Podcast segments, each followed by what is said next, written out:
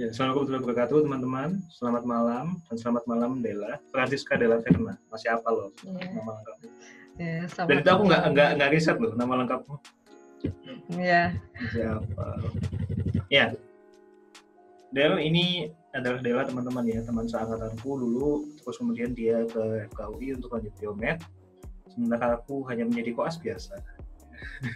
Duh, enggak, enggak. Iya. Ya, Del, coba tell us about you, Del. Em, Iya, jadi aku sekarang kuliah di ilmu biomedik, masuk dalam Fakultas Kedokteran Universitas Indonesia. Nah, di FKUI itu ilmu biomedik terdiri dari banyak banget peminatan. Em, nah, aku masuk dalam peminatan farmakologi. Jadi kalau dalam peminatan itu sebenarnya jumlah mahasiswanya sedikit banget. Aku aja di farmakologi hanya berdua. Jadi ya, hmm, eh, apa? Bisa dibilang intim gitu belajar sama dosennya. Jadi tiap kali kuliah ya eh, bisa dibilang bertiga bertiga itu aja. Ya gitulah. Wow. Eh, oh berarti kamu dari semester pertama udah peminatan ya? Eh, semester pertama masih umum. Jadi masih Oh. belajar yang kayak bioseluler, terus Mm-mm. uh, biomolekuler, um, metodologi riset ya, yang umum. Ya. Baru kedua baru semester kedua ya. Berarti sama Iya, kayak tempat. Heeh. Kalau tempatku tuh semester kedua, tapi kan nanti habis koas kan, baru peminatan juga. Hmm, Ya Hmm. gimana ya, nggak tahu sih. Tapi kok melihat dari raut wajahmu tadi, kok sedih ya peminatan. Oh. Kenapa kamu farmakologi coba? Uh, nah ini jadi sebetulnya alasanku agak dangkal waktu itu sebetulnya karena pengen masuk ke ranah ranah industri gitu. Eh, Hmm. tapi Oh iya iya iya. tapi gini sebetulnya eh, agak tumpang tindih. Pokoknya kalau yang di farmakologi itu seniorku banyaknya dari farmasi, apoteker. Jadi kemampuan dalam ilmu farmasinya sangat jago. Sebetulnya sulit sih eh, mengimbanginya. Sementara dari sisi kliniknya ada PPDS SPFK kan farmakologi klinik. Jadi eh, Ah, biomedik farmakologi itu bisa dibilang menjembatani antara farmasi dan kimia farmasi dengan eh, ya PPDS SPFK. hmm. Kalau di angkatanku eh, paling banyak ini ini trennya selalu berubah-berubah tapi kalau di angkatanku paling banyak peminatnya adalah peminatan biokimia. biokimia berapa orang biokimia Biokimia itu kayaknya lebih dari 10 orang ya. Sama Wow. fisiologi, fisiologi juga. Itu 9 orang kalau nggak salah. Kalau yang dari eh, dokter umum kebanyakan ngambil fisio- fisiologi. fisiologi mau apa dosen uh, mau apa mereka dosen nih berarti Ada yang dosen, ada yang eh, spesialis, mungkin spesialisnya jadi yang terkait terkait seperti itu ya kayak dalam. rehabilitasi medik. oh Mungkin eh, iya justru ah. iya, ya mungkin aja ya penyakit dalam tapi dari yang aku tahu sih eh, lebih Iya. yang terkait rehab terus kemudian biomed di FKUI ya berarti ya karena tadi kan kita udah Hmm. cerita ini kan cuman reguler doang ya Del ya berarti dua tahunan semua ya iya kira-kira dua tahun tahun ya itu banyak yang lebih dari itu iya emang kerasa Iya, kalau iya. di di FKUI juga sama kan sebenarnya sama kayak FK sih ininya masuknya tuh lebih mudah daripada keluarnya kan intinya di situ Hmm, hmm. Mm-mm. Apalagi kaget sama S2 ini tesis semuanya lebih sulit, sempro lebih sulit, Iya Mas, betul. apalagi. Terus kemudian kamu sejauh ini kerjain proyek apa aja deh? Pasti banyak. Oh, eh, sebenarnya kalau di biomedik sendiri aku belum terlibat dalam riset apa-apa. Jadi riset pertamaku ya tesisku. Tapi eh, di antara masuk biomed dengan lulus esket kemarin, aku terlibat dalam penelitian tapi itu terkait stem cell. Jadi bukan farmakologi. Eh, di Wow. IMERI. Hmm. Itu kan Iya, aku jadi- kayak di IG story kan sering lihat yang domba itu loh ya. Itu apa sih peliharaan iya. atau kayak kan kalau di dosen kita kan dokter Eti itu tahu kan dokter Eti itu dulu pas cerita kan pas beliau di Australia itu kan juga punya domba gitu kayak aku jadi ingat dokter Eti gitu. itu apa sih maksudnya peliharaan aja atau Iya, pelihara. Ya peliharaan. peliharaan Karena aja mama oh Hmm, Wow. kalau dokter Reti kan ini deh, maksudnya dia juga kalau nggak salah ceritanya itu juga jadi subjek penelitian juga apa ya? Saya tuh yang oh. itu. Mm -mm. Kukira tuh kamu kayak gitu, enggak ya? Peliharaan biasa ya? Iya, tapi uh, uh, peliharaan biasa, tapi ada yang pernah datang untuk uh, minta sampel bulu dombanya. eh, untuk penelitian apa aku nggak tahu. Hmm. Ya aku lupa, tapi pernah diminta bulunya untuk penelitian orang lain. Wow. Ya, gitulah. Sama sebenarnya aku ini loh, Del, apa namanya? Kalau ngomongin bulu ya, kan aku punya banyak topik bulu aja diomongin kan. Kalau yeah. ngomongin bulu itu, jadi aku pas Februari kemarin, Februari tahun 2000, 2019, itu aku sempat ke Malaysia, Del. Jadi hmm. uh, lomba bisnis tentang idenya tuh gini. Jadi uh, di NCBI kalau nggak salah itu tuh ada jurnal yang ngatain kalau uh, minyaknya min minyaknya daun hmm. mint, ekstrak minyak daun mint hmm. itu, dia diolesin ke tikus, dicoba ke tikus itu dia menumbuhkan rambut dengan cepat. Ya. Hmm. Nah, terus kemudian dengan hal itu kan aku coba cari-cari lagi kan, aku kali lagi hmm. sebenarnya substansi bahan aktif apa sih yang ini gitu, yang berperan gitu. Ternyata dia juga ada di kulit jeruk. Sementara hmm. kamu tahu di Malang kan pedagang jus kan, ya apalagi kulit jeruk pasti dibuang langsung kan. Hmm. Jadi menggunakan ide itu, gitu. jadi aku manfaatin uh, kulit jeruk itu dibuat pomade hmm. itu dicoba di Malaysia juga menarik sih memang belum belum ku pastiin kan kalau kan uh, yang kulit jeruk kan belum pasti ya kalau yang mint kan udah pasti. Itu juga menarik juga mungkin juga bisa coba di domba ya. ada kandungan apanya? Senyawa senyawa ya, aktifnya yang apa aja udah lupa. Saking lamanya. Tapi iya. itu pun iya sampai sekarang masih ada tuh masih ku pegang. Maju banget nih pemikirannya Gumi memang. Dikala yeah. aku masih hanya memikirkan hmm, ya, ya tapi tesku belum selesai. Iya, eh tapi itu berarti tahun berapa? Masih masih S1 ya berarti? Iya, ma baru mau mulai biomed. Baru mau masuk hmm, semester. Ya, emang hmm. pemikirannya udah jauh lebih maju. Nggak itu iseng. Terus ini ya, aku kalau aku juga ada proyek ini, jadi sama teman-teman kan kita tahu yang kemarin yang itu kan tahu nggak yang kalung yeah. covid itu loh mm-hmm. itu kan uh, jujur aku sama Fahmi sama Dedi kalau teman-teman belum tahu ya itu kayak partner in crime lah untuk masalah riset-riset kita tuh emosi deh tahu lihat jurnal dasarnya mm. mereka itu yang dari India itu tuh mm. yang simpel banget Hmm, hmm. Nah, jadi tuh aku sama Dedi sama Fahmi itu bikin insiliko yang lebih advance lagi sama kita nyari berbagai bahan, berbagai zat substansi itu yang uh, berefek ke kalau yang di jurnal di Indianya itu dia targetnya MPRO namanya atau main protease. Kalau kamu yeah. pernah dengar. Ya. Jadi itu tuh kayak enzim utama gitu loh dan buat transkripsi replikasinya virus di dalam mm -hmm. Itu tuh kami menemukan yang jauh lebih efektif lagi daripada yang di India. Cuman masih proyek masih progres nulis. Itu sih kalau apa jadinya targetnya? targetnya tetap Empro cuman uh, oh. apa namanya senyawanya Senyawa itu aktifnya ada, yang beda iya ada banyak nah, kita rahasiakan dulu hmm. eh, iya hmm. kalau kamu yang stem cell itu ngapain deh proyeknya itu eh itu boleh nggak ya di di oh. share gini? Oh jangan ya. Maksudnya uh, buat apa gitu mungkin? Hmm, kalau yang aku terlibat itu untuk terapi kanker. Ah. Tapi kan kalau stem cellnya UI itu banyak untuk paling banyak yang dan sudah diaplikasikan itu kan uh, untuk pengobatan uh, terkait uh, patah tulang. Jadi untuk regenerasi tulang itu yang betul-betul sudah diinjeksikan uh, ke pasien sih. Dan ini uh, efikasinya bagus ya. iya kalau yang untuk mm, kalau yang untuk tulang itu udah terbukti bagus. Nah ini wow. sebetulnya lagi merambat ke bagian-bagian lain ya terkait hematologi, kemudian uh, kanker, terus sebetulnya ada juga yang lagi berlangsung itu uji klinik untuk um, mungkin uh, targetnya apa ya regenerasi paru atau apa ya sebenarnya tapi untuk pasien covid juga. Macem-macem sih.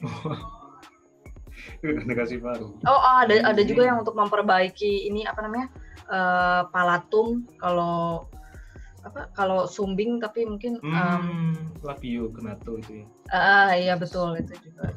Oh bisa pakai stem cell? Wow. iya. Asli keren banget. Sama ya luka bakar juga kan Hmm. Terus kan kamu kan ini kan farmako ya, farmakonya biomed ya. Wow, sangat Hmm. spesifik kan. Kamu apakah tahu nggak kayak pengobatan-pengobatan herbal buat COVID gitu? Tahu Eh. kamu? Pernah dengar nggak?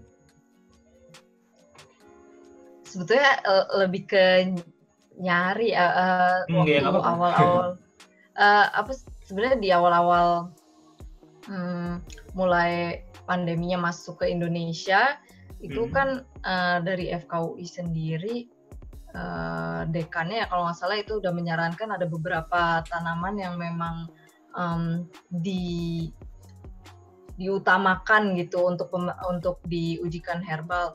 Tapi nggak tahu kelanjutannya sampai sekarang karena kan uji klinik juga Hmm. kalau misalnya belum ada hasilnya kita nggak bisa akses sebetulnya kan Hmm, kalau lagi berlangsung. Em, ya, kalau dari yang ku tahu itu eh, tapi bukan di Indonesia itu eh, madu. Jadi dia Madu. eh, desain studinya paralel eh, pasiennya tetap diberikan dengan eh, pengobatan standar. Nah, kalau saya dibandingkan dengan placebo ini di negara mana ya? Ya itu itu yang udah lebih maju sih dan dia terdaftar di eh, clinical.gov itu. Oh langsung, oh clinical trial langsung daftar di sana. Iya betul Wow, itu Nah. langsung uji klinis dia, pakai madu dan bagus ya hasilnya. Mm-mm, iya Wow. Kalau apa namanya? Aku malah pernah baca itu ada yang diuji ini. Jadi pakai in vitro. Cuman aku lupa di pokoknya di Cina. Terus kayak nama tanamannya tuh nama Cina gitu. Padahal di jurnal itu tuh eh, nama tanaman-tanaman lain itu kayak dia dia tuh ngasih nama umumnya gitu loh. Kayak nama latinnya ini, Latinnya. terus garlic, Heeh. eh, nama latinnya ini, terus jahe gitu. Eh kok jahe ginseng. Oh, Lah, kalau iya kan yang- kalau nggak salah jahe jahe juga diujikan juga salah satu tanaman yang diujikan tanaman Oh, herbal yang ada juga. diujikan. Oh. Mm-mm, betul. itu ada satu yang di Cina itu yang terbukti in vitro buat virusnya COVID udah jadi kan kalau yang lain kan kebanyakan in silico ataupun apa namanya yang SARS-CoV-1 kan yang kemarin atau influenza Hmm. gitu kan itu tuh benar-benar Hmm. udah in vitro di COVID berhasil tapi satu satu itu tok di tanaman di Cina lupa aku namanya nama Hmm. nama Cina soalnya Hmm. oke Terus Karena, kemudian, eh, hmm? Kemarin eh, kalau nggak salah ada dosen yang sharing juga sebetulnya sampai titik ini menumbuhkan menumbuhkan SARS-CoV-2 ini sendiri juga sulit. Jadi mau uji in vitro padahal kultur virusnya sendiri sulit kan ya gimana Iya. gitu kan. iya benar Dan sambil sambil buka malah ya takutnya kan membahayakan membahayakan orang juga dan ah tadi ke Hmm. jadi boro-boro untuk nguji untuk nguji eh, ekstrak dari herbal orang mengkultur virusnya aja udah. Bahaya. Ya makanya mungkin yang sekarang kesebar adalah yang eh, untuk molekular docking kalau enggak Hmm. uji in vitro dan in vivo maupun uji klinik tapi eh, menggunakan tanaman herbal lain eh, tanaman herbal tertentu pada eh, virus lain selain eh, SARS-CoV-2. benar benar ya itu kebanyakan masih kayak gitu sih cuma buktiin ini kan ada efek antiviralnya gitu aja kan Mm-mm. hmm. Iya beda-beda ya ada yang eh, mau menarget ke kasih ada mau menarget yang mau menarget efek eh, anti sebagai antiinflamasi, antifibrosisnya. Hmm. ya memang banyak banyak opsi lah is- istilahnya Mm. oke terus kemudian kita beralih dari pengobatan aku tuh baru tahu setelah baca jurnal tentang herbal ini ya ternyata tuh Mm. secara genetik ini jurnalnya masih waktu kita buka itu tuh eh, covid tuh yang di covid yang di manusia itu genetiknya tuh lebih dekat ke arah eh, virus corona yang di pangkal nih bukan di kelelawar. Di kelelawar itu 88% kemiripan genetik. Kalau di pangolin itu Mm. 91 persen. Itu aku Mm. kaget sih. Kamu apa tahu nggak itu? Mm. apa tahu udah lama? Enggak sih, aku baru tahu kalau yang eh, dari eh, ternyata secara genetik virus virusnya lebih mirip dengan yang pangolin ini. iya Eh, mu- mungkin karena eh, dia hewan darat gitu ya jadi lebih Hmm. banyak kontaknya terus kemudian Bisa, kan bisa, ternyata memang penjualannya lebih tinggi, terutama di Asia untuk yang pengobatan herbal daripada uh, kelelawar gitu. Jadi manfaat manfaat pengobatan tradisionalnya lebih di, dipakai lah sama orang Asia. Jadi itu sih mungkin yang kenapa uh, transmisinya lebih besar atau kemiripan genetiknya lebih besar dengan yang pangolin daripada uh, kelelawar yang hidupnya um, ya maksudnya terbang dia bisa ke mana-mana. Benar benar benar. Nah, tapi kan maksudnya kan sejauh ini dari apa namanya uh, penyebaran media di masyarakat kan ini uh, kelelawar kan gitu sih yang hmm. ini udah kelihatan nggak share screennya nih? Iya iya kelihatan. Kelihatan ya. Ini loh cuman satu ini doang tanamannya. Lian Huang Kiwen lain ini dia in vitro loh. Enam hmm. cells. Dan ini SARS-CoV-2 ya literally in vitro. Hebat banget ya. Nah ini berarti uh, maksudnya sudah komersial atau belum tuh sel selnya? Oh nggak tahu ya Veroin namanya aku baru ini dengar tahu kan Hela hmm. doang. Uh, ada ada kalau yang kanker mah banyak ya apa namanya? Iya sih. galur galur sel kanker yang komersial. Iya, tapi aku tuh pertama kali baca tentang Hela tuh ini loh kagum loh. Maksudnya tuh uh, dari istilahnya kan kita manusia tuh cuma tujuh apa sih triliun ya? Eh kok triliun sih? Miliar apa apa sih? Miliar aja lah. Terus kemudian dari satu satu orang manusia tuh ada berapa banyak sel lagi dan satu hmm. satu sel Hela itu yang bisa bermanfaat bagi hmm. sains kan. Maksudnya itu tuh hal yang mengagumkan gitu. Hmm ini nih Del yang pangolin labet tuh iya, cuma kan. 88 persen loh mm-hmm. terus kita dianggap sebagai eh, apa maksudnya pangolinnya di, dianggap sebagai intermediate host ya di sini iya. soalnya kan kita enggak eh, maksudnya mungkin jarang direct kontak dengan kelelawar kan juga dia juga berterbangan di mana-mana hmm. dan kan ini iya dan ini kan kalau misalnya virus itu mutasinya uh, mungkin tinggi di kelelawar. Kalau dari sharing hmm. temen yang um, bekerja di lembaga Eijkman, salah satunya juga karena metabolismenya dia uh, tinggi. Uh, apa ya? Sebetulnya perlawanan terhadap um, bukan perlawanan terhadap virusnya. Jadi met, uh, mutasi virusnya itu lebih tinggi, tingkat mutasi virusnya lebih tinggi daripada pada manusia. Oh, mutasinya. Wow. Iya, tingkat mutasinya lebih tinggi. Hmm. hmm, hmm. Oke, okay, oke. Dan ini ya, kalau lihat strukturnya corona ini, kamu tahu nggak yang sering diomongin di masyarakat itu stigmanya? Itu mesti kayak gini. Belum ada orang yang, belum ada manusia yang pernah melihat virus corona secara langsung. Itu menurutmu gimana? Hmm. Hmm. Itu jadi senjata buat orang. Maksudnya kayak misalkan ada orang yang ngomong di depan umum gitu ya yang mungkin cukup dihormati sama masyarakat kemudian dia tuh ya atas suatu alasan lah dan dia kan juga bukan tenaga medis apalagi di bidang riset kan ya maksudnya asal hmm. ngomong aja gitu hmm. Hmm. Gimana? Uh... Kalau menurutku soalnya aku kemarin nemu ini jadi mikroskop elektronnya gambaran mikroskop elektronnya COVID ini Corona. berarti kan ininya hmm. secara ofisial udah melihat langsung guys Iya betul dan iya. betul-betul sebagus itu sebetulnya bentuknya kan sedetail iya. ini. Nah, hmm, betul. Maksudnya tuh uh, itu juga yang bikin apa ya? Kayak stigmanya di masyarakat tuh benar-benar asal ngomong gitu loh. Orang yang dihormati dan didengar banyak orang itu juga asal ngomong. Nggak hmm. tahu apa yang dia omong gitu juga sih. Padahal setelah dicari-cari udah pernah ngeliat langsung. Hmm.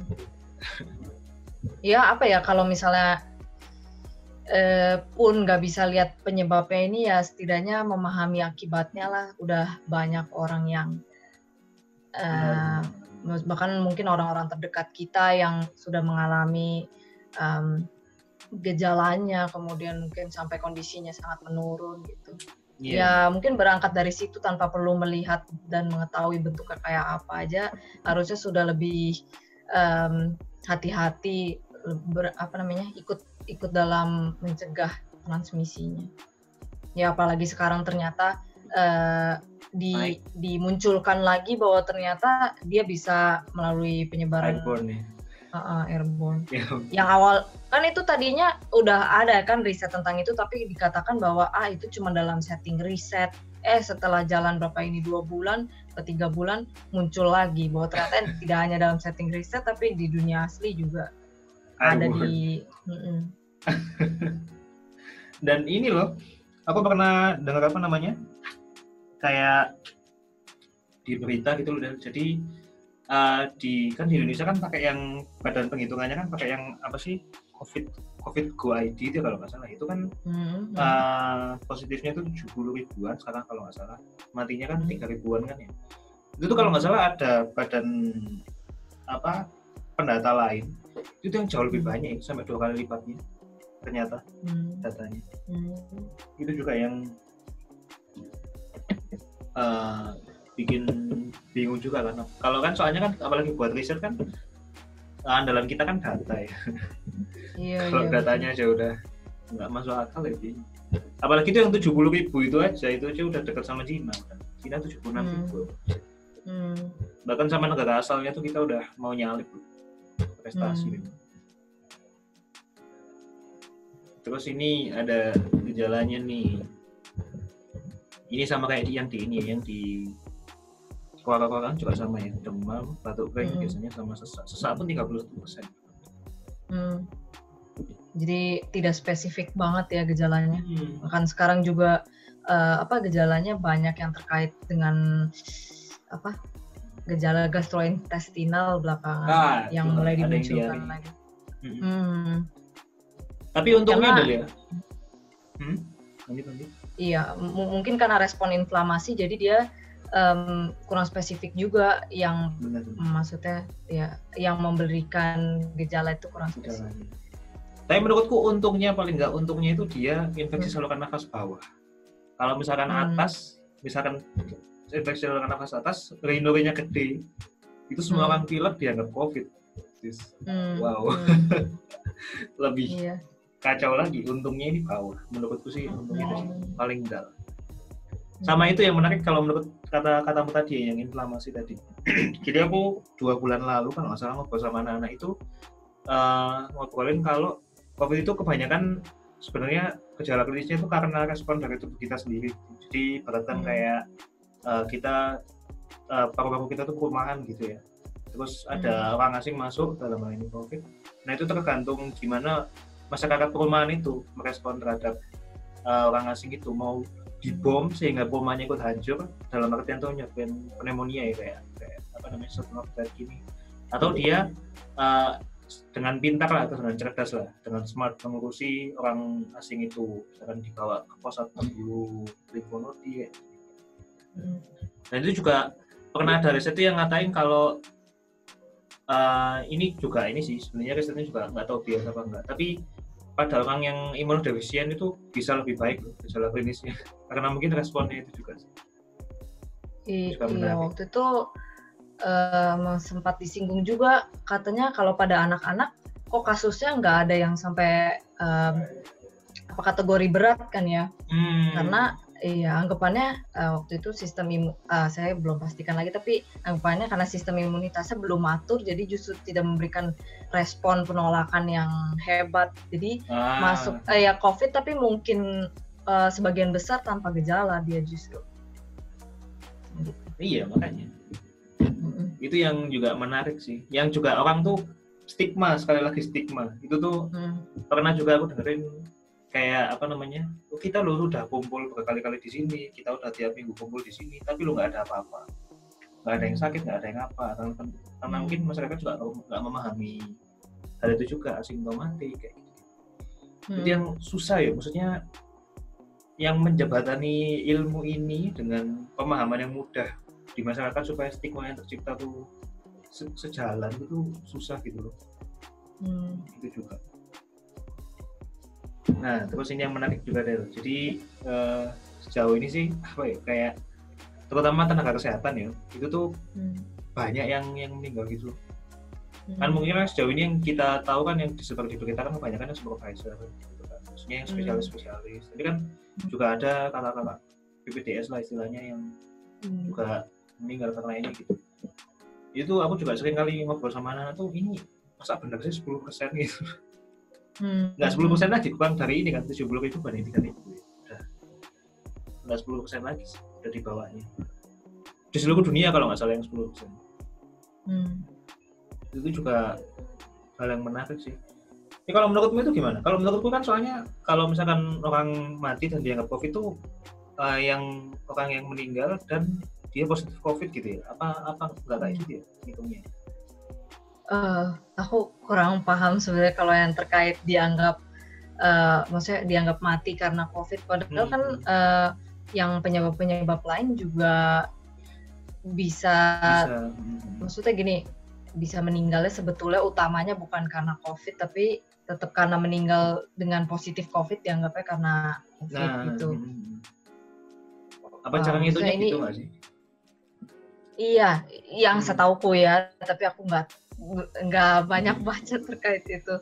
Cuman aku suka mikir ini sih, em, kayak di koran suka dibahas mm, akses terhadap kemoterapi saat pandemi ini sulit sekali gitu ya. Terus aku pikir Oh. banyak penurunan kondisi dari pasien-pasien dengan keganasan, ya mungkin awalnya sebenarnya bukan karena COVID, tapi karena nggak bisa dapat terapi kemoterapinya itu jadi karena menurun terus kemudian juga uh, mungkin akhirnya karena sistem imunnya menurun karena uh, COVID dianggap meninggal karena COVID padahal ya mungkin perburukan kondisinya karena keganasannya Akses. Hmm. Dan ini sih karena kita juga belum sepenuhnya memahami ya patofisnya itu ya mungkin bisa jadi dia Hmm. memperburuk dari dalam Hmm. memperburuk penyakit lain juga bisa mungkin tuh penyebabnya yang dihitung Hmm. yang meninggal itu pokoknya positif iya betul itu juga sih. Nah sama ini yang menarik lagi dari di jurnal itu jurnal itu satu jurnal tapi menarik sekali. Bahas banyak ya iya. Hobiku aneh emang gini nah ini produk herbal. Dan di sini nggak ada kalung Del. Bingung nggak Iya. ini ada essential oil nih ada nih. Air eh, air disinfektan essential oil. Tapi nggak ada gambar kalungnya Hmm. sama kamu pernah lihat nggak maksudnya kan kamu kan farmako ya mungkin apa pernah lihat nggak sediaan kayak ini coating di masker terus essential oil di apa ini kayak apa sih tetes reagin apa ini terus semprotan pernah lihat Hmm. ginian nggak Kalau yang eh, coating di masker ini juga sebetulnya belum pernah ya. Tapi Hmm. ini kan sebenarnya kayak variasi bentuk sediaan gitu kali ya, bentuk Hmm, sediaan yang tidak konvensional. Em, terus kita tuh kan sebetulnya obat itu bisa secara farmakologis masuk lewat beberapa jalur, bisa dari mulut, bisa dari benar hidung, saluran pernafasan, bisa dari kulit. Jadi ya sebetulnya kalau misalnya dengan sediaan-sediaan baru ini tapi bisa kontak dengan jalur-jalur masuk tadi ya bisa aja berarti punya efek terapi atau efek pengobatan.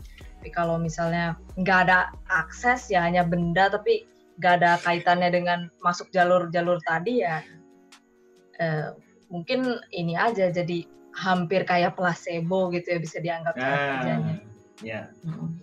sama kalau kemarin yang ini kan emang benar-benar kaitannya sama kalungnya aku, aku lumayan pusing gitu Mm. apa namanya malah eh, si Kementerian Pertaniannya itu kayak beberapa kali revisi gitu maksudnya ini bukan antivirus ini cuma aromaterapi meredam gejala Eh. kayak gitu gitu Eh. juga bikin masyarakat pusing gak sih apalagi yang ngomong itu yang menjadi the face of gitu ya istilahnya ju- cukup bicara dari produk ini tuh bukan orang medis Hmm, hmm. apalagi orang riset bukan kan itu kayak jadi Hmm. masalah kalau menurutmu ya menurutmu kalau bisa nggak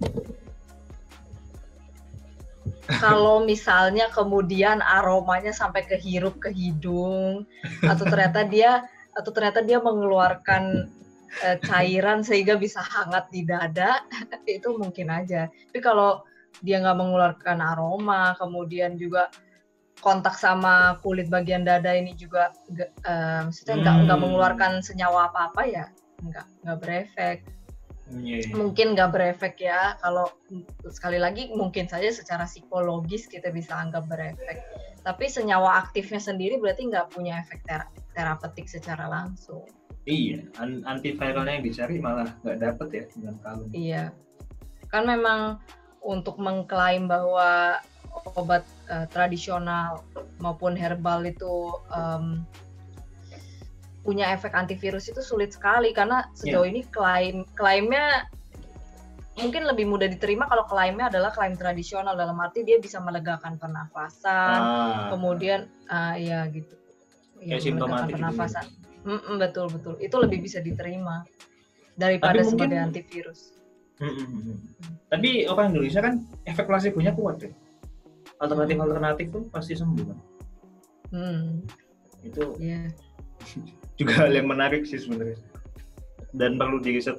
Hampir semuanya udah perlu diriset lebih jauh. Soalnya beberapa orang yang sebenarnya actually cukup dekat dengan aku tuh juga kita kadang-kadang cepat gitu soal alternatif apa enggak hmm.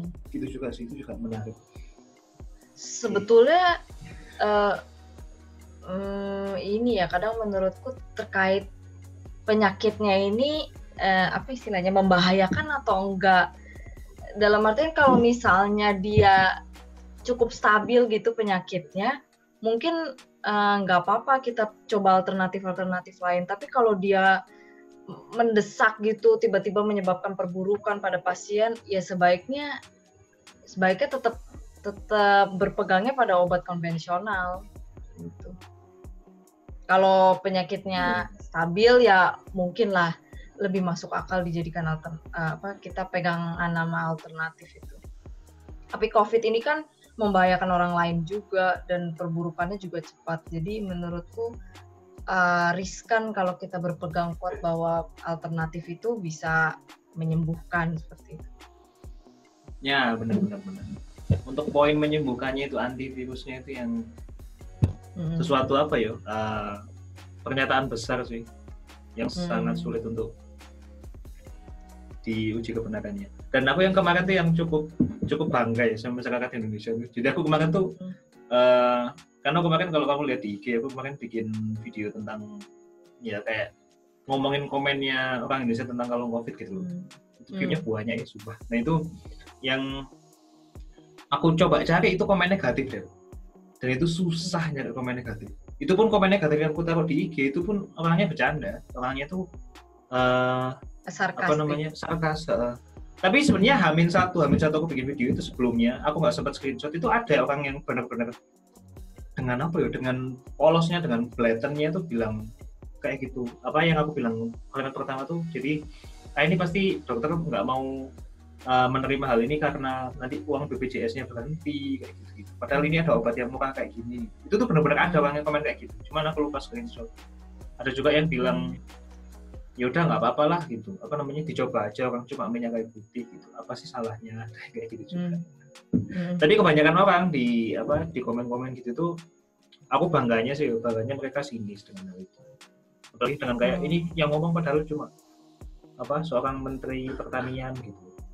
Hmm. Emang tahu apa dia itu. Maksudnya sadar sih orang Indonesia tuh hmm. sadar akan apa yang dia dengerin dan apakah itu dari ahlinya atau bukan. Hmm. Hmm. Cukup membanggakan. Hmm.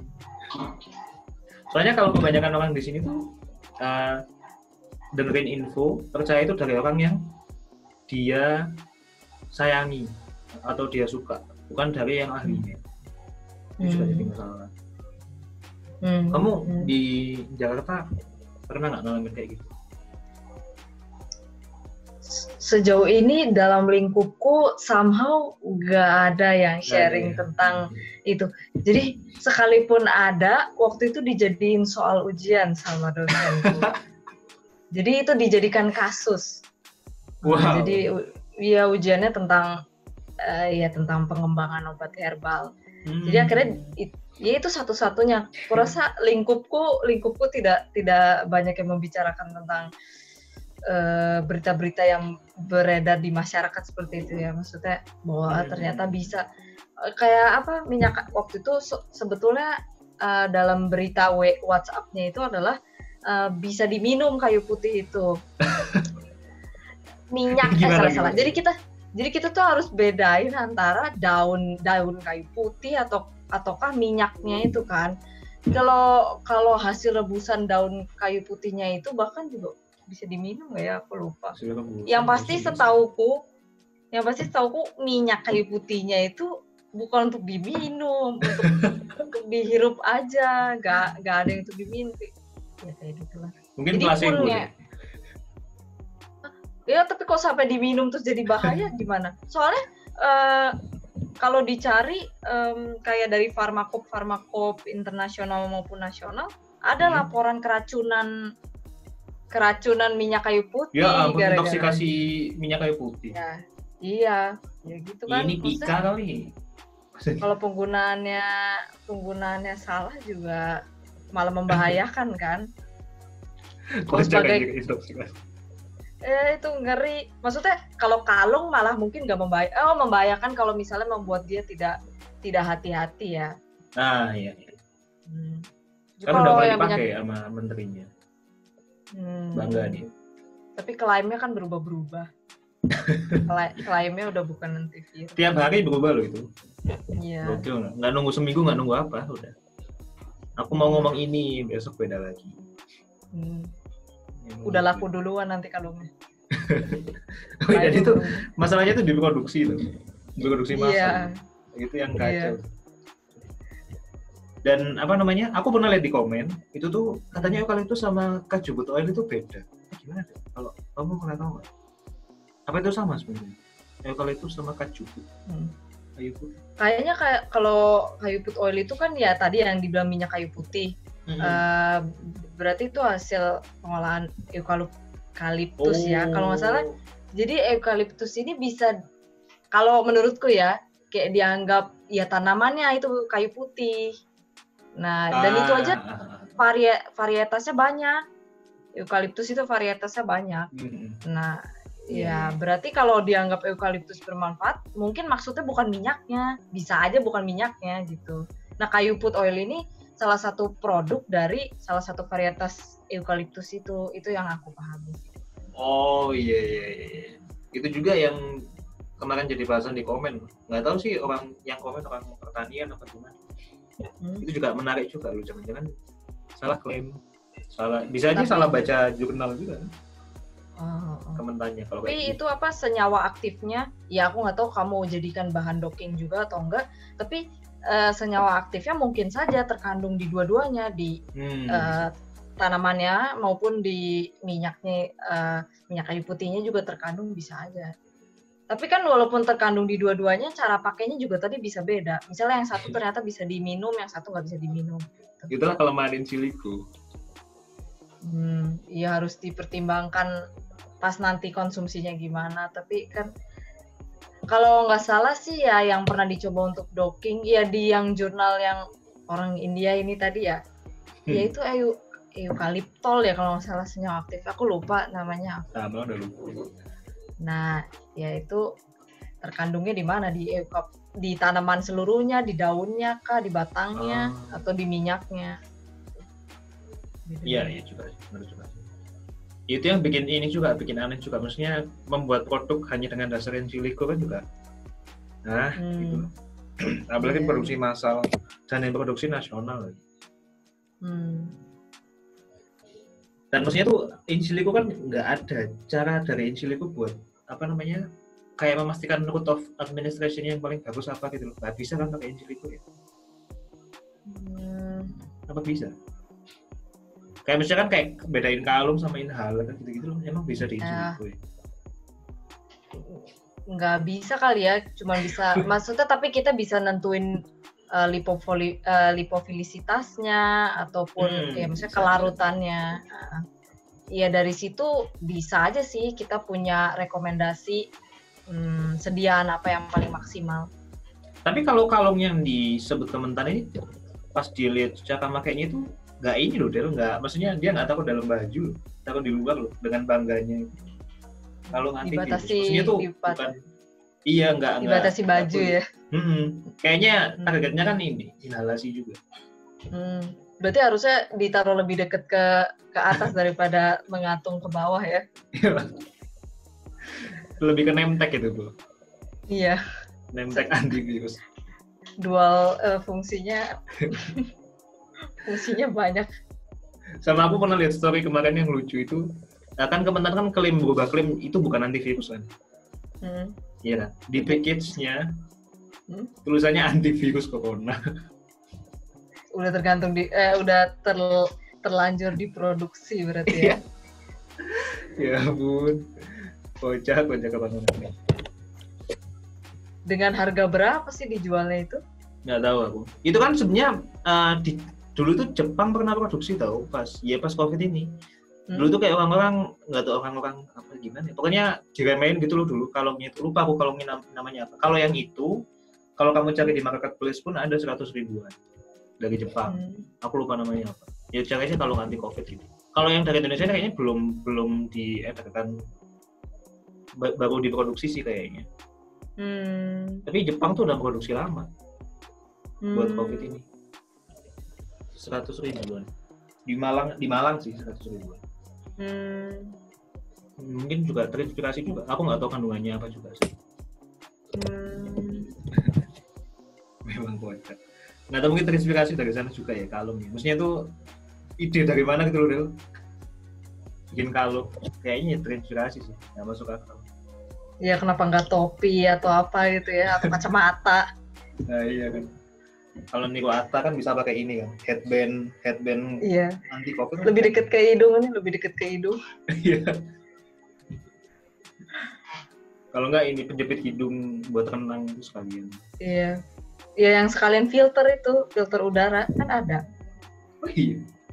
Iya jadi nggak pakai masker tapi pakai filter udara. Bentuknya iya bentuknya gimana sih cara pakainya? Jadi kayak di um, kayak disumpel gitu ya. Tapi uh, itu betulan efektif. Itu betulan efektif yang itu yang itu tidak. Orang dekat iya dekat pol gitu.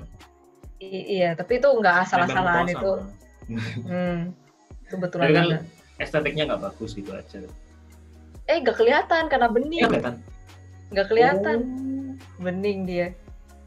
Ada hmm. pembicara hmm. yang ada pembicara di bidang kesehatan yang pakai. Jadi pas bicara itu ya dia nggak kelihatan nggak kelihatan pakai masker tapi sebetulnya pakai filter gitu wah kok nggak ini ya? Nggak iya sama uh, karena karena um, satu piece-nya mahal eh berapa ya? Satu piece itu mungkin oh ini kayak ngarang ya gak tau deh pokoknya lebih, ya pasti jauh lebih mahal daripada satu lembar masker hmm.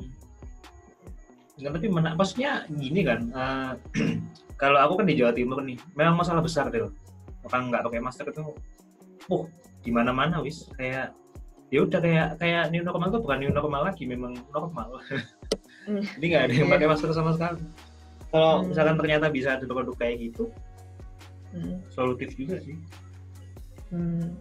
ya tapi kalau, kalau di, harganya Is. kalau harganya nggak jadi lebih murah dan nggak bisa dipakai berulang bermasalah juga tapi iya itu kan sekarang jadi masalah juga ya terkait terkait sebetulnya ini jadi ramah lingkungan terkait ramah lingkungan limbah limbah maskernya itu hmm. uh, kan sama harga produksinya juga terus kan di kalau di YouTube itu ada yang channelnya Osmosis dia bahas tentang uh, metode-metode untuk sterilisasi masker N95 uh. supaya bisa dipakai ulang.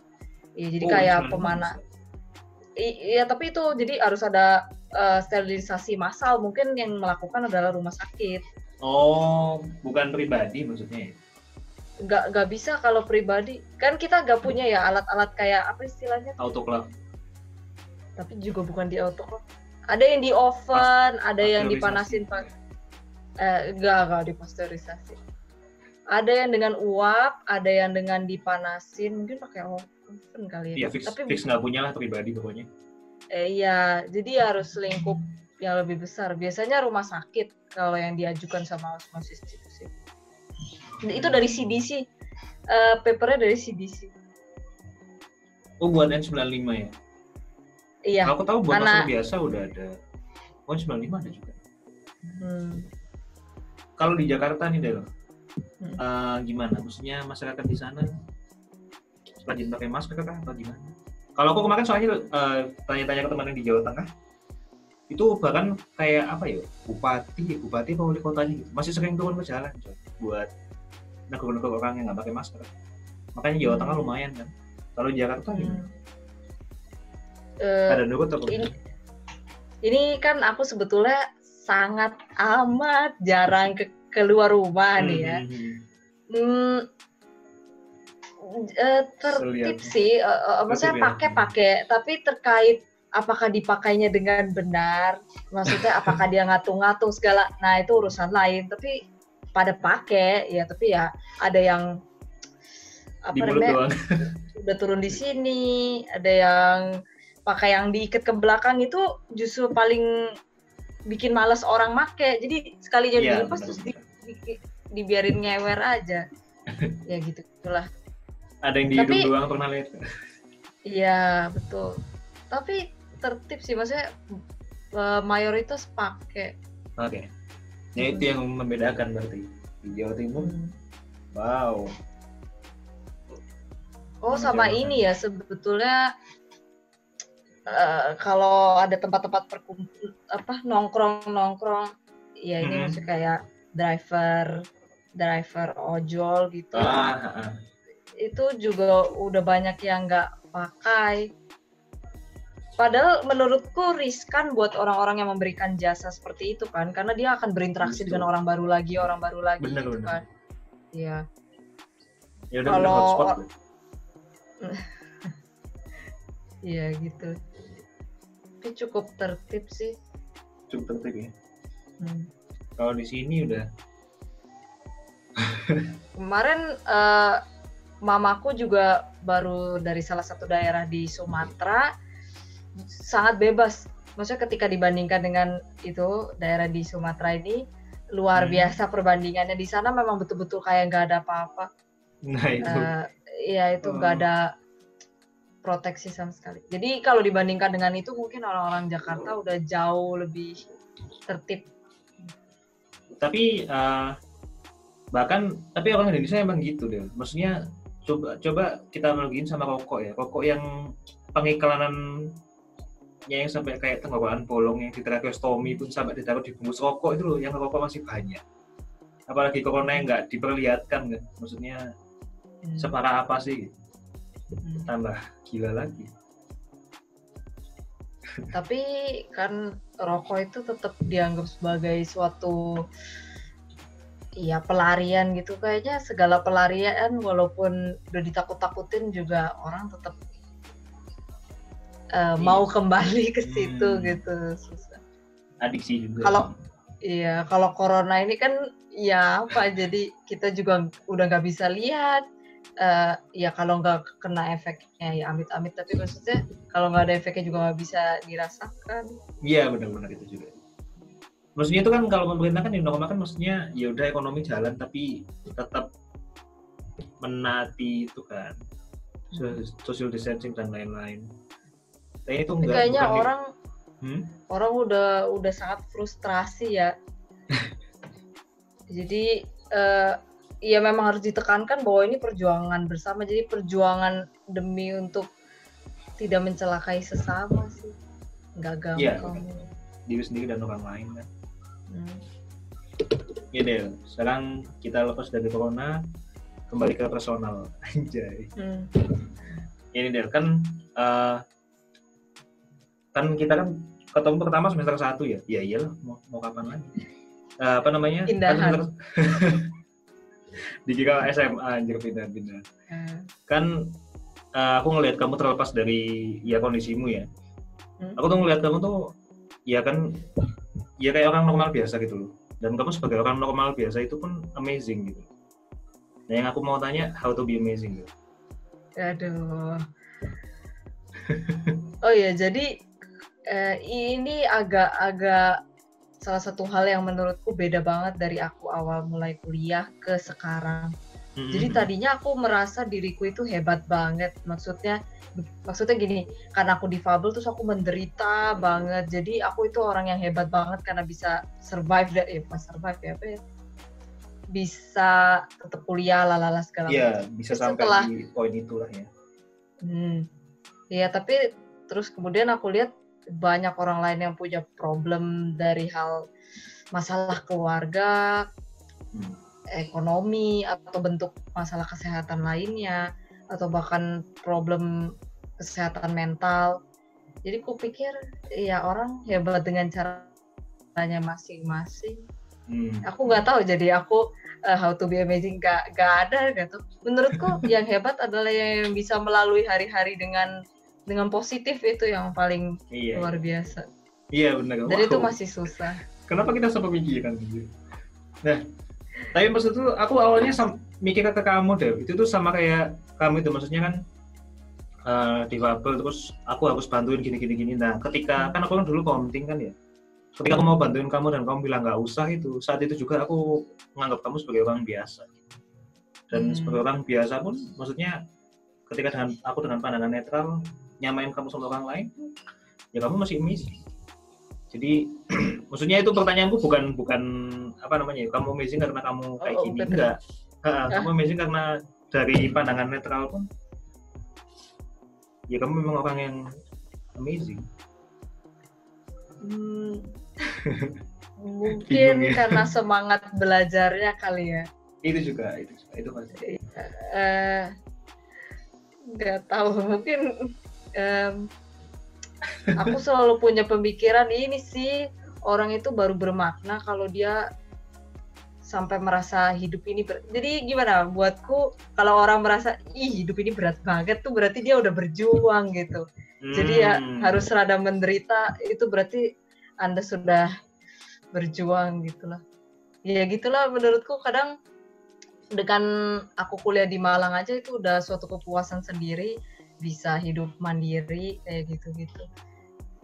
Iya ya di luar Ini itu aku nggak tahu sih apalagi yang amazing. Kayaknya uh, pokoknya makin ke sini aku lihat orang-orang makin uh, luar biasa terus ini aku di biomedik juga uh, teman-temanku. Karena ini juga kelas reguler kan bukan fast track. Banyak teman-teman yang udah punya keluarga.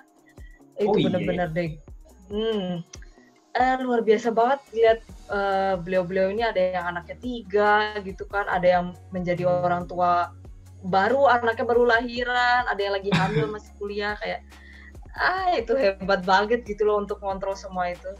Jadi merasa kecil dengan yeah. um, ya orang yang masih apa ya ya aku kan masih ditanggung sama orang tua gitu. Ya masih ya, muda ya, mungkin ada yang ya iya aku juga juga kan kadang-kadang sekelas sama reguler kan ya sama kayak um, wow. Caranya itu kayak jauh ya. hmm. Tapi yang aku kalau aku sendiri pelajarin ya maksudnya sampai sekarang juga itu tuh uh, misalkan kayak apa ya misalkan dalam kasus misalkan uh, ngepost Instagram gitu misalkan ya ini misalkan ngepost Instagram terus takut uh, postingannya jelek misalnya kayak gitu ya misal ya hmm. itu tuh aku yang aku pelajarin tuh kalau dari sejauh ini aku hidup itu uh, orang tuh punya masalahnya masing-masing gitu loh nggak ada yang bakal peduli sama kamu banget sampai apa ya melihat postingan Instagrammu dengan fokus terus mengkritik segala hmm. macam tuh itu yang aku pelajarin sih karena masing-masing orang punya problemnya masing-masing hmm. dan sering kali lebih berat juga lebih berat gimana maksudnya dari kita oh oh iya iya hmm, itu juga yang bikin iya. bikin aku ada siklus bersyukur terus gitu loh kayak gratitude-nya itu ada terus aku kayak gini kadang, ternyata ada yang lebih kayak gini iya kayak ngelihat ngelihat apa ya ngelihat yang di bawah gitu loh hmm. Hmm. coba bisa sederhananya kadang aku melihat dosen yang mungkin begitu maksudnya hmm. begini kupikir kupikir aku ini kelihatan aneh banget bodoh banget gitu ya misalnya. Ya hmm. padahal uh, dosennya mungkin dengan banyak banget urusan dan kepentingan lain ngelihat kita apa sih ini anak? Maksudnya ya nggak kepikiran gitu loh. Ya ya yeah, lalu aja gitu. Ah, hmm. oh mau konsultasis ya udah ya konsul gitu. Ya udah begitu aja buat beliau gitu biasa aja. Tapi aku udah kayak ya ampun ya ampun kayak orang bodoh banget progresnya dikit atau apa misalnya itu kok sama lu Del kelas juga kayak gitu loh sama persis kalau ada ilmu ilmiah hmm kayak bikin perfect banget berasa iya. berasa kurang bagus apa padahal yang ngeliat udah hmm? yang harus kita ingat kan maksudnya mereka kan udah berpuluh-puluh tahun mungkin di bidang mereka itu yang juga bikin mereka ngerasa biasa aja gitu mungkin sih Mm-mm. kayak aku pengalaman Dan- di kelas juga kayak gitu Iya. Dan nggak apa-apa kan ternyata memang eh, perasaan yang riweh itu yang seru justru. Iya, maksudnya bagian dari pembelajaran lah, bagian dari pembelajaran. ini get out of your comfort zone ya. Tapi kayaknya ada orang-orang yang tetap kelihatan cool kan dari luar kayak si Farhan gitu kan. Mungkin eh, maksudnya tetap cool. Aku nggak tahu selama dia kuliah gimana kan. Oh, aku kan nggak pernah lihat lagi dia di koas. Jadi ya gimana tapi selama preklinik kelihatannya kayak cool aja gitu.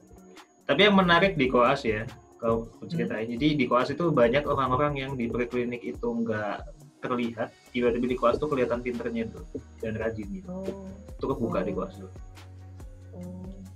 itu sangat menarik dan kita banyak yang kaget aku sama Erwin aja bahas kemarin kayak wah si ini si ini si ini Hmm. Itu tuh kebuka semua di koas maksudnya kan saat koas tuh saat tertekan tertekannya kan. Kamu tidur juga pas mau jaga. Aku juga pernah pas itu pas ujian satu lawan satu sama supervisor eh hamin satunya aku jaga. Kayak gitu. Jadi jaga nggak tidur? Belas. Baca satu buku itu Del satu buku kayak gini nih. 125 halaman. Aku habisin satu malam. Hmm. Hmm. kayak te- tekanannya gede sekali. Itu mungkin yang bikin orang yang kelihatannya di klinik kayak apa sih gitu. tiba-tiba jadi motivasi juga sih karena pepet ya istilahnya Hmm. coba bisa jadi kayak gitu nah ini ini Itu passion pa- passionnya Hmm. memang merawat orang ya. itu Pa- mungkin passionnya memang ke pasien gitulah. itu juga mungkin ya kalau itu juga bisa jadi aku juga nemuin hal baru juga aku ternyata uh, kemampuan passion raportku bagus ketemu pas Hmm. koas jadi kalau pas Hmm. koas tuh aku di GD itu pernah ngobrol sama pasien sampai aku dikira Desta terus diajak selfie terus kita wa Eh. sebagai itu teman-temanku ada yang kan juga kamu tuh gimana sih caranya bisa kayak gitu gitu. Ah. ngajak ngajak keluar ke kapasan ngopi itu juga Itu Hmm. yang juga aku ketemuin sendiri sendiri kalau aku pepet lah istilahnya. Hmm. nah ini deh dua poin terakhir Hmm. Nah, yang pertama adalah eh, kamu boleh ngasih kamu boleh nanya satu pertanyaan ke aku Terkait Terserah. eh, ini eh nggak terkait penelitian corona enggak, gitu. enggak, enggak harus enggak. Oh, mungkin yang oke. kamu harus kan soalnya dulu kita pernah di talk gak sih aku ingat semester satu mungkin ya mungkin ada yang ingin kamu tanyain juga boleh tapi tentang Oh. corona juga boleh tapi aku nggak tahu banyak Ah. Mungkin ini ya, hmm, lebih kepada kalau eh, teman-teman di biomedik Brawijaya risetnya kebanyakan tentang apa? Karena kalau yang dari ku dengar itu eh, sebagian besar tetap ranahnya farmakologi ya, Hmm. sama apa mikrobiologi mungkin. Ya itu iya mungkin terkait risetnya eh, kebanyakan apa? jadi kalau di karena aku aku biomed tebak aku juga komting juga dong sama anak-anak nih jadi kalau di biomed itu bentar, kalau si ini tiga apa dua dua apa tiga orang gitu itu mikro Hmm. mikrobiologi aku lupa mereka ngelihat apanya lupa pokoknya eh, nggak pokoknya ngevaluasi mikrobiologinya itu nggak bisa di tok ke UM kayak mikroskop elektron apa apa gitu lupa jadi mikronya ada kemudian Ah. banyak kan farmako bener tapi Del? Farmako tuh buahnya kayaknya sembilan orang deh kayaknya. Kayak Hmm. ada yang ke tikus ada yang ke zebrafish. Hmm. ya terbaru bener sih kebanyakan farmako kemudian aku juga farmako juga jadi aku sama kulit jeruk lima kulit jeruk itu dipakai ke tikus traumatic brain injury Hmm. Hmm, itu juga jadi ya mungkin 30% mikro sisanya farmako sih bener Hmm. Hmm. Tapi jadi em, pembimbing utamanya juga dari farmakologi semua ya berarti? Pembimbing eh, promotornya. anak-anak itu iya sih kebanyakan gitu sih tapi soalnya kalau aku sendiri aku itu penelitiannya jalan dulu jadi belum ada pembimbing yang buat MBiomed ya maksudnya pembimbing penulisannya maksudnya. Eh, kalau leadernya kan dari Neuro aja tapi Oh, maksudnya iya, beliau leadernya Neuro. ini hmm, kan TBI kan traumatic brain injury kan Hmm. tapi maksudnya kalau dari buat penulisan ini si pemimpin penelitiannya ini nggak boleh membi- bimbing soalnya kan bukan apa ya kalau biomed ada syaratnya gitu loh buat jadi pemimpin. Iya iya, Iya, yang harus sudah lulus S3 juga ya. nah, dan itu kan soalnya kita masukin pendanaan kan mas itu. Aku masukin pendanaan alhamdulillah mas. Hmm. Hmm, Oh iya, ada sebenarnya ada satu pertanyaan lagi sih. Boleh deh. Terkait ini apa namanya? Mas- ini pendapatku sih menurutku kalau dari yang kelihatan mungkin eh, dengan passion kayak kamu di bidang penelitian dan ke eh, curiosity kamu eh, kayaknya kamu tidak menyesal masuk biomedik. Tapi Hmm, mungkin ada beberapa atau mayoritas justru merasa menyesal masuk biomedik. Ya nggak tahu lah ya. Tapi eh, di di Brawijaya ya bu. Kalau di UI beda lagi. Eh, itu pendapatmu gimana terus s- mungkin saran ya ke yang angkatan bawah itu apa ah Hmm, sebenarnya yang lagi bimbang mau ngambil fast track atau enggak oh iya ya Iya itu masuk akal juga. Nanti aku nanya deh yang di UI gimana. ya, kalau yang di di UB itu kan kalau menurutku sih ya. Jadi kalau menurutku itu aku tuh dulu pas pergi klinik itu juga aku lebih paham ilmu-ilmu yang bisa kulihat. Jadi kayak anatomi, mikro pun asal ada gambarnya itu aku bisa lihat, maksudnya bisa memahami dengan cukup eh, lancar lah. Nah, biomed itu adalah salah satu ilmu yang aku paling abstrak gitu loh. Ini apa, ini apa, kayak gitu kan. Kayak apa, splicing, ya gitu-gitu imunologi kayak gitu-gitu juga. Nah eh, itu juga yang bikin aku ternyata pas masuk itu wow menarik sekali gitu. Jadi justru poin risetnya itu kan kalau anatomi kan nggak ada yang bisa diriset lagi kan cuma eksplorasi eksplorasi eksplorasi. Kalau anatomi kan kebanyakan jadi kalau biomed ini justru eh, istilahnya ladang emas lah buat riset-riset juga. Hmm. mungkin kalau ada orang yang yang udah masuk terus nyesel itu cuma belum nemu aja sih. Sama kayak katamu kan ada peminatan. Itu Hmm. juga. Jadi kayak belum nemu belum nemu aja. Mungkin soalnya biomed itu masih nyuabang lagi. Kalau kamu mau belajar in siliconya aja mau Hmm. Belajar kalau aku kemarin aku sempat ikut kursus network farmakologi buat nemuin senyawa-senyawa yang bagus buat suatu penyakit gitu. Itu juga bisa.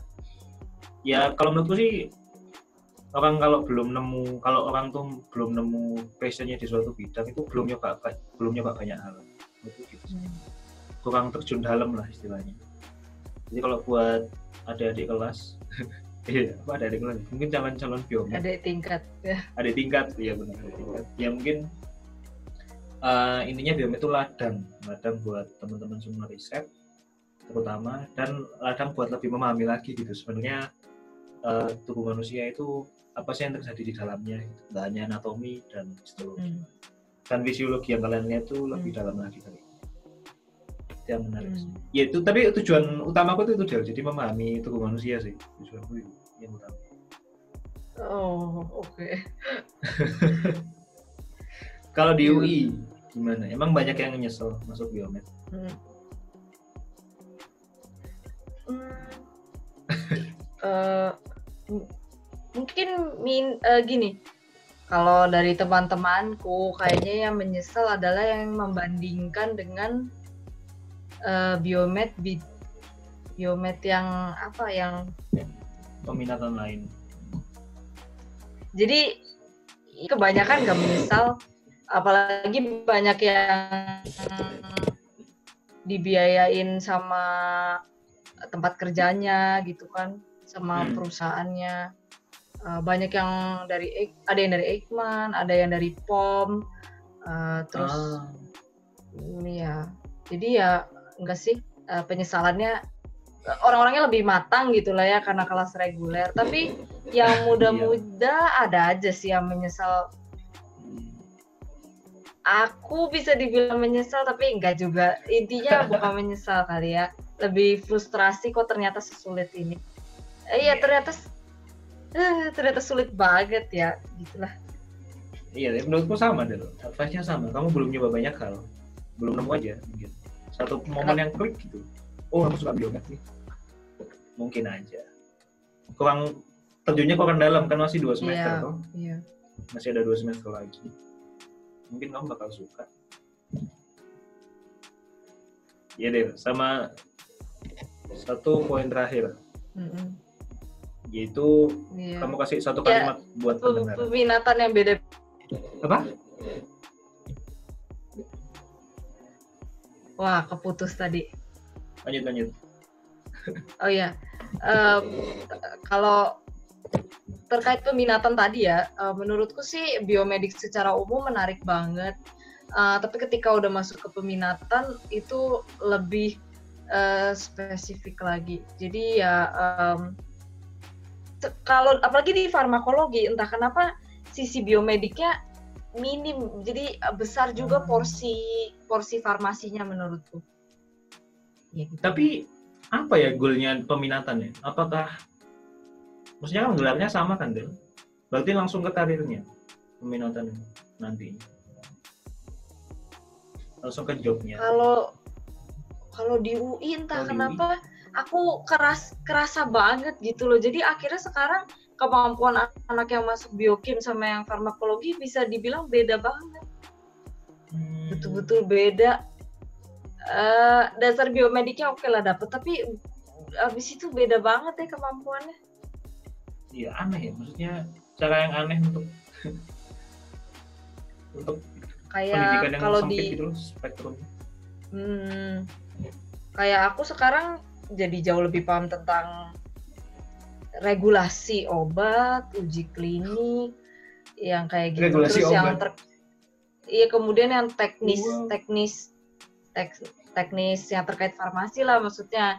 Nah kalau yang biokim ya lebih paham yang terkait pathway segala macam, terus enzim-enzim yang bekerja di ya obat juga ya bisa terkait obat terus ada yang bagian onkologi eh, kemudian ada yang bagian sains transfusi ada yang sains reproduksi terkaitnya sama pasien-pasien HIV kemudian em, infertilitas eh, masalah kandungan spesifik banget ya kalau udah masuk peminat. Ah yang yang stem cell juga ada yang bioinformatik yang Iya tadi yang fisiologi, ya fisiologi itu lebih banyak yang terkait dengan eh apa ya terapi terapi yang berbau olahraga gitu kali ya, itulah. Fisioterapi gitu.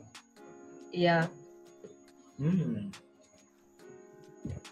kalau di eh, UB kalau dari yang ku dengar kayaknya eh, pembagiannya itu nggak terlalu kentara. Ya Iya. kalau di UI dari yang ku rasa kentara banget bedanya. Iya makanya kayak kenapa kok digituin maksudnya? Jadi spesifik banget gitu loh pilihannya sempit banget ya Iya untuk betul. depannya. Gitu sih. Dan ini ya yang masyarakat nggak tahu tuh ininya ya kayak perjuangannya seorang peneliti terutama kan lama banget dulu sebelum bisa menjadi ahli Iya. harusnya dia baik. sebetulnya ini agak menyangkut juga dengan jadi pas aku lagi masih di preklinik, maksudnya dengan pemikiran aku masih bisa lanjut di kedokteran ya, Gum, masih Mhm. bisa ikut pendidikan profesi. Hmm. Aku juga ngelihatnya, ya apa sih klinik pasti lebih penting lah daripada riset.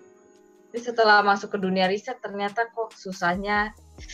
Hmm. Jadi Tapi menarik. eh iya, tadinya jujur aja mungkin agak sombong gitu masuk ke dokteran tapi kemudian aku eh ya terlempar masuk ke dunia riset jadi lebih bisa menghargai di bidang ini sekarang Tapi gimana itu? Soalnya kalau aku juga aku ketika udah terjun ke biomed juga aku kan tertarik riset kan pastinya jadinya.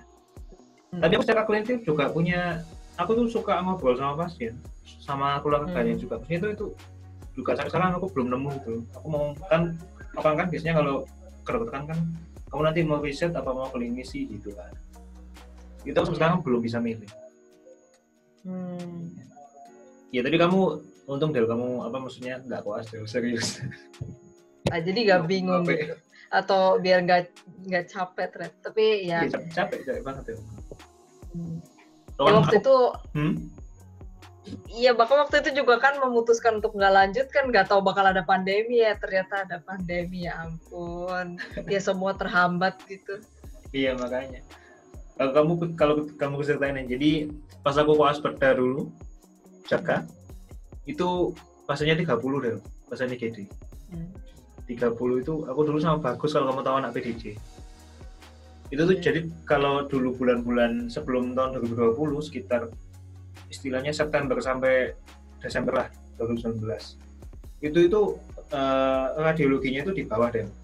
Jadi biasanya itu satu lantai dengan IGD, tapi karena lagi direnovasi, radiologinya itu pindah ke bawah. Dan remnya ke bawah itu kayak zigzag gitu loh, Del. turun menggok turun Iya, menggok iya. dorong bed gitu loh. Dan itu dorong bed 30 kali kan. Dan kadang-kadang satu bed nggak nggak sekali doang.